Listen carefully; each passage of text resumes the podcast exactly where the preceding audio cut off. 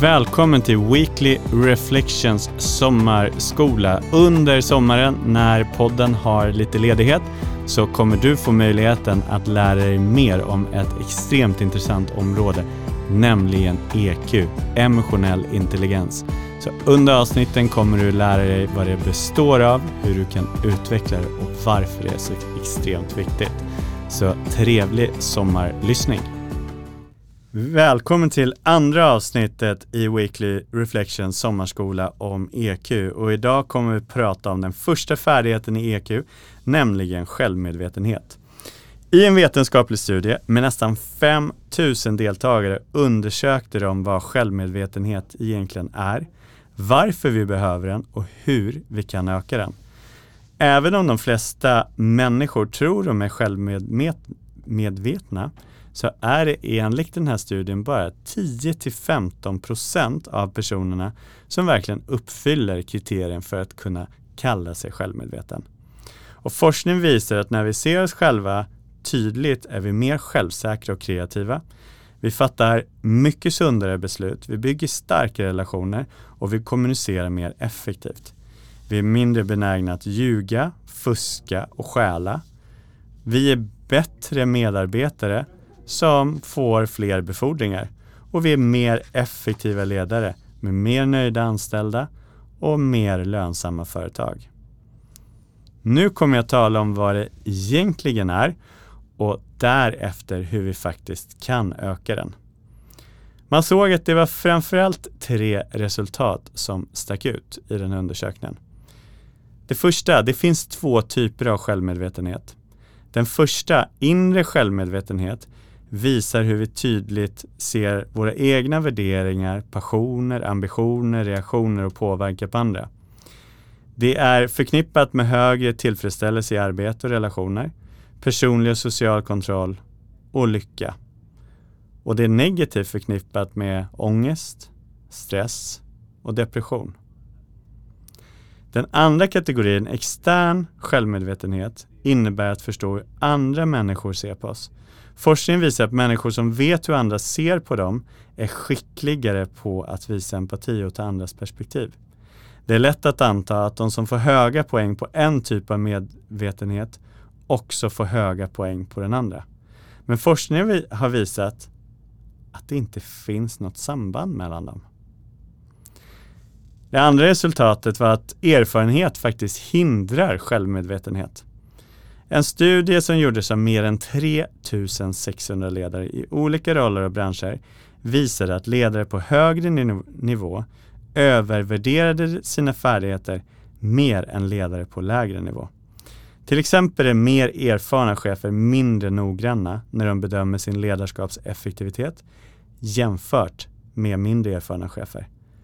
Många av dem tror att de vet mer och det visar sig att det kostar på. Höga ledare har ofta färre personer ovanför sig som kan ge uppriktig feedback. Folk är mindre bekväma att ge dem konstruktiv feedback eftersom de är rädda att det faktiskt kan skada deras karriär.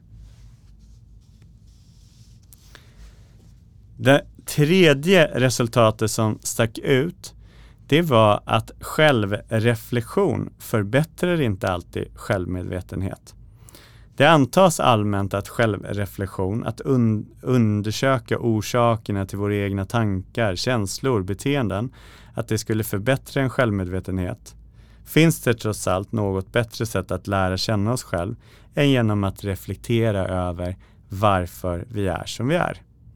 Och ett av de mest överraskande resultaten av forskningen är dock att personer som är väldigt självreflekterande oftast är mindre självmedvetna och de eh, uppvisar också sämre tillfredsställelse i sitt arbete och välbefinnande. Problemet med den här typen av självreflektion eller självrannsakan är inte att den är ineffektiv. Det är egentligen att de flesta människor gör det på fel sätt. För att förstå det så ska vi titta närmare på den kanske vanligaste självreflektionsfrågan. Varför? Vi ställer den här frågan när vi försöker förstå våra känslor. Varför tycker jag så mycket mer om medarbetare A än medarbetare B? Eller vårt beteende. varför blev jag så förbannad på den där personen? Eller våra egna attityder. Varför är jag så emot den här affären eller den här kunden? Så det jag kommer berätta nu om, det är frågan som du bör ställa dig istället för varför och andra idéer om hur du faktiskt kan påverka din egna självmedvetenhet.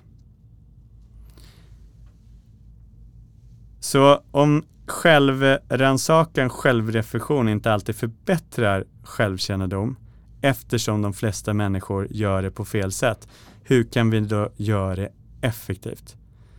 Det visar sig att ställa frågan varför, det är en förvånansvärt ineffektiv fråga om självmedvetenhet.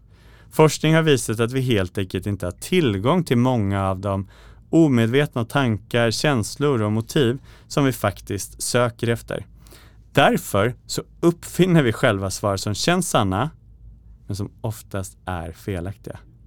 Till exempel kan en ny chef efter ett utbrott eller man blev upprörd på en anställd hoppa till den slutsatsen att hon inte är rätt för jobbet.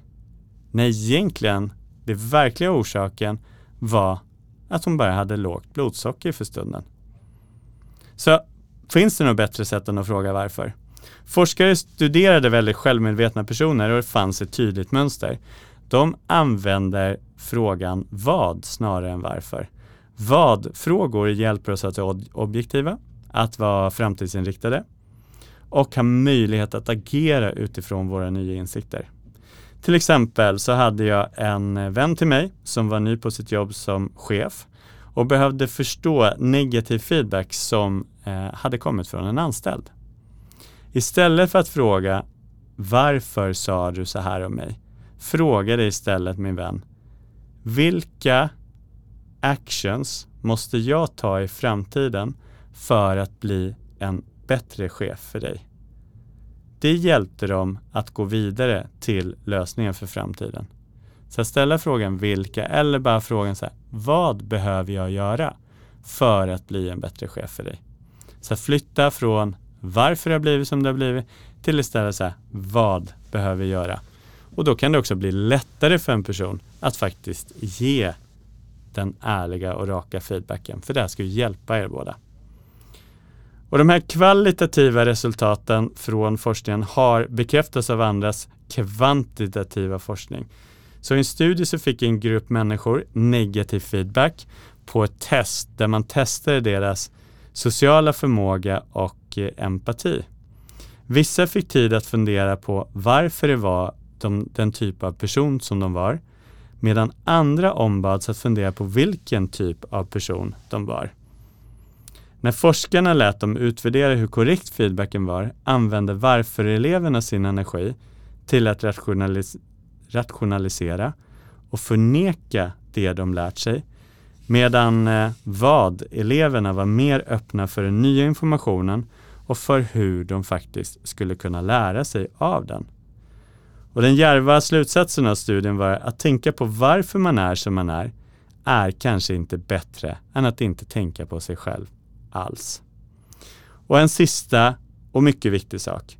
Forskarna fann att personer som förbättrade sin externa självkännedom gjorde det genom att söka feedback från det man kallar för kärleksfulla kritiker. Det vill säga personer som har deras bästa intresse i åtanke och som är villiga att berätta sanningen för en.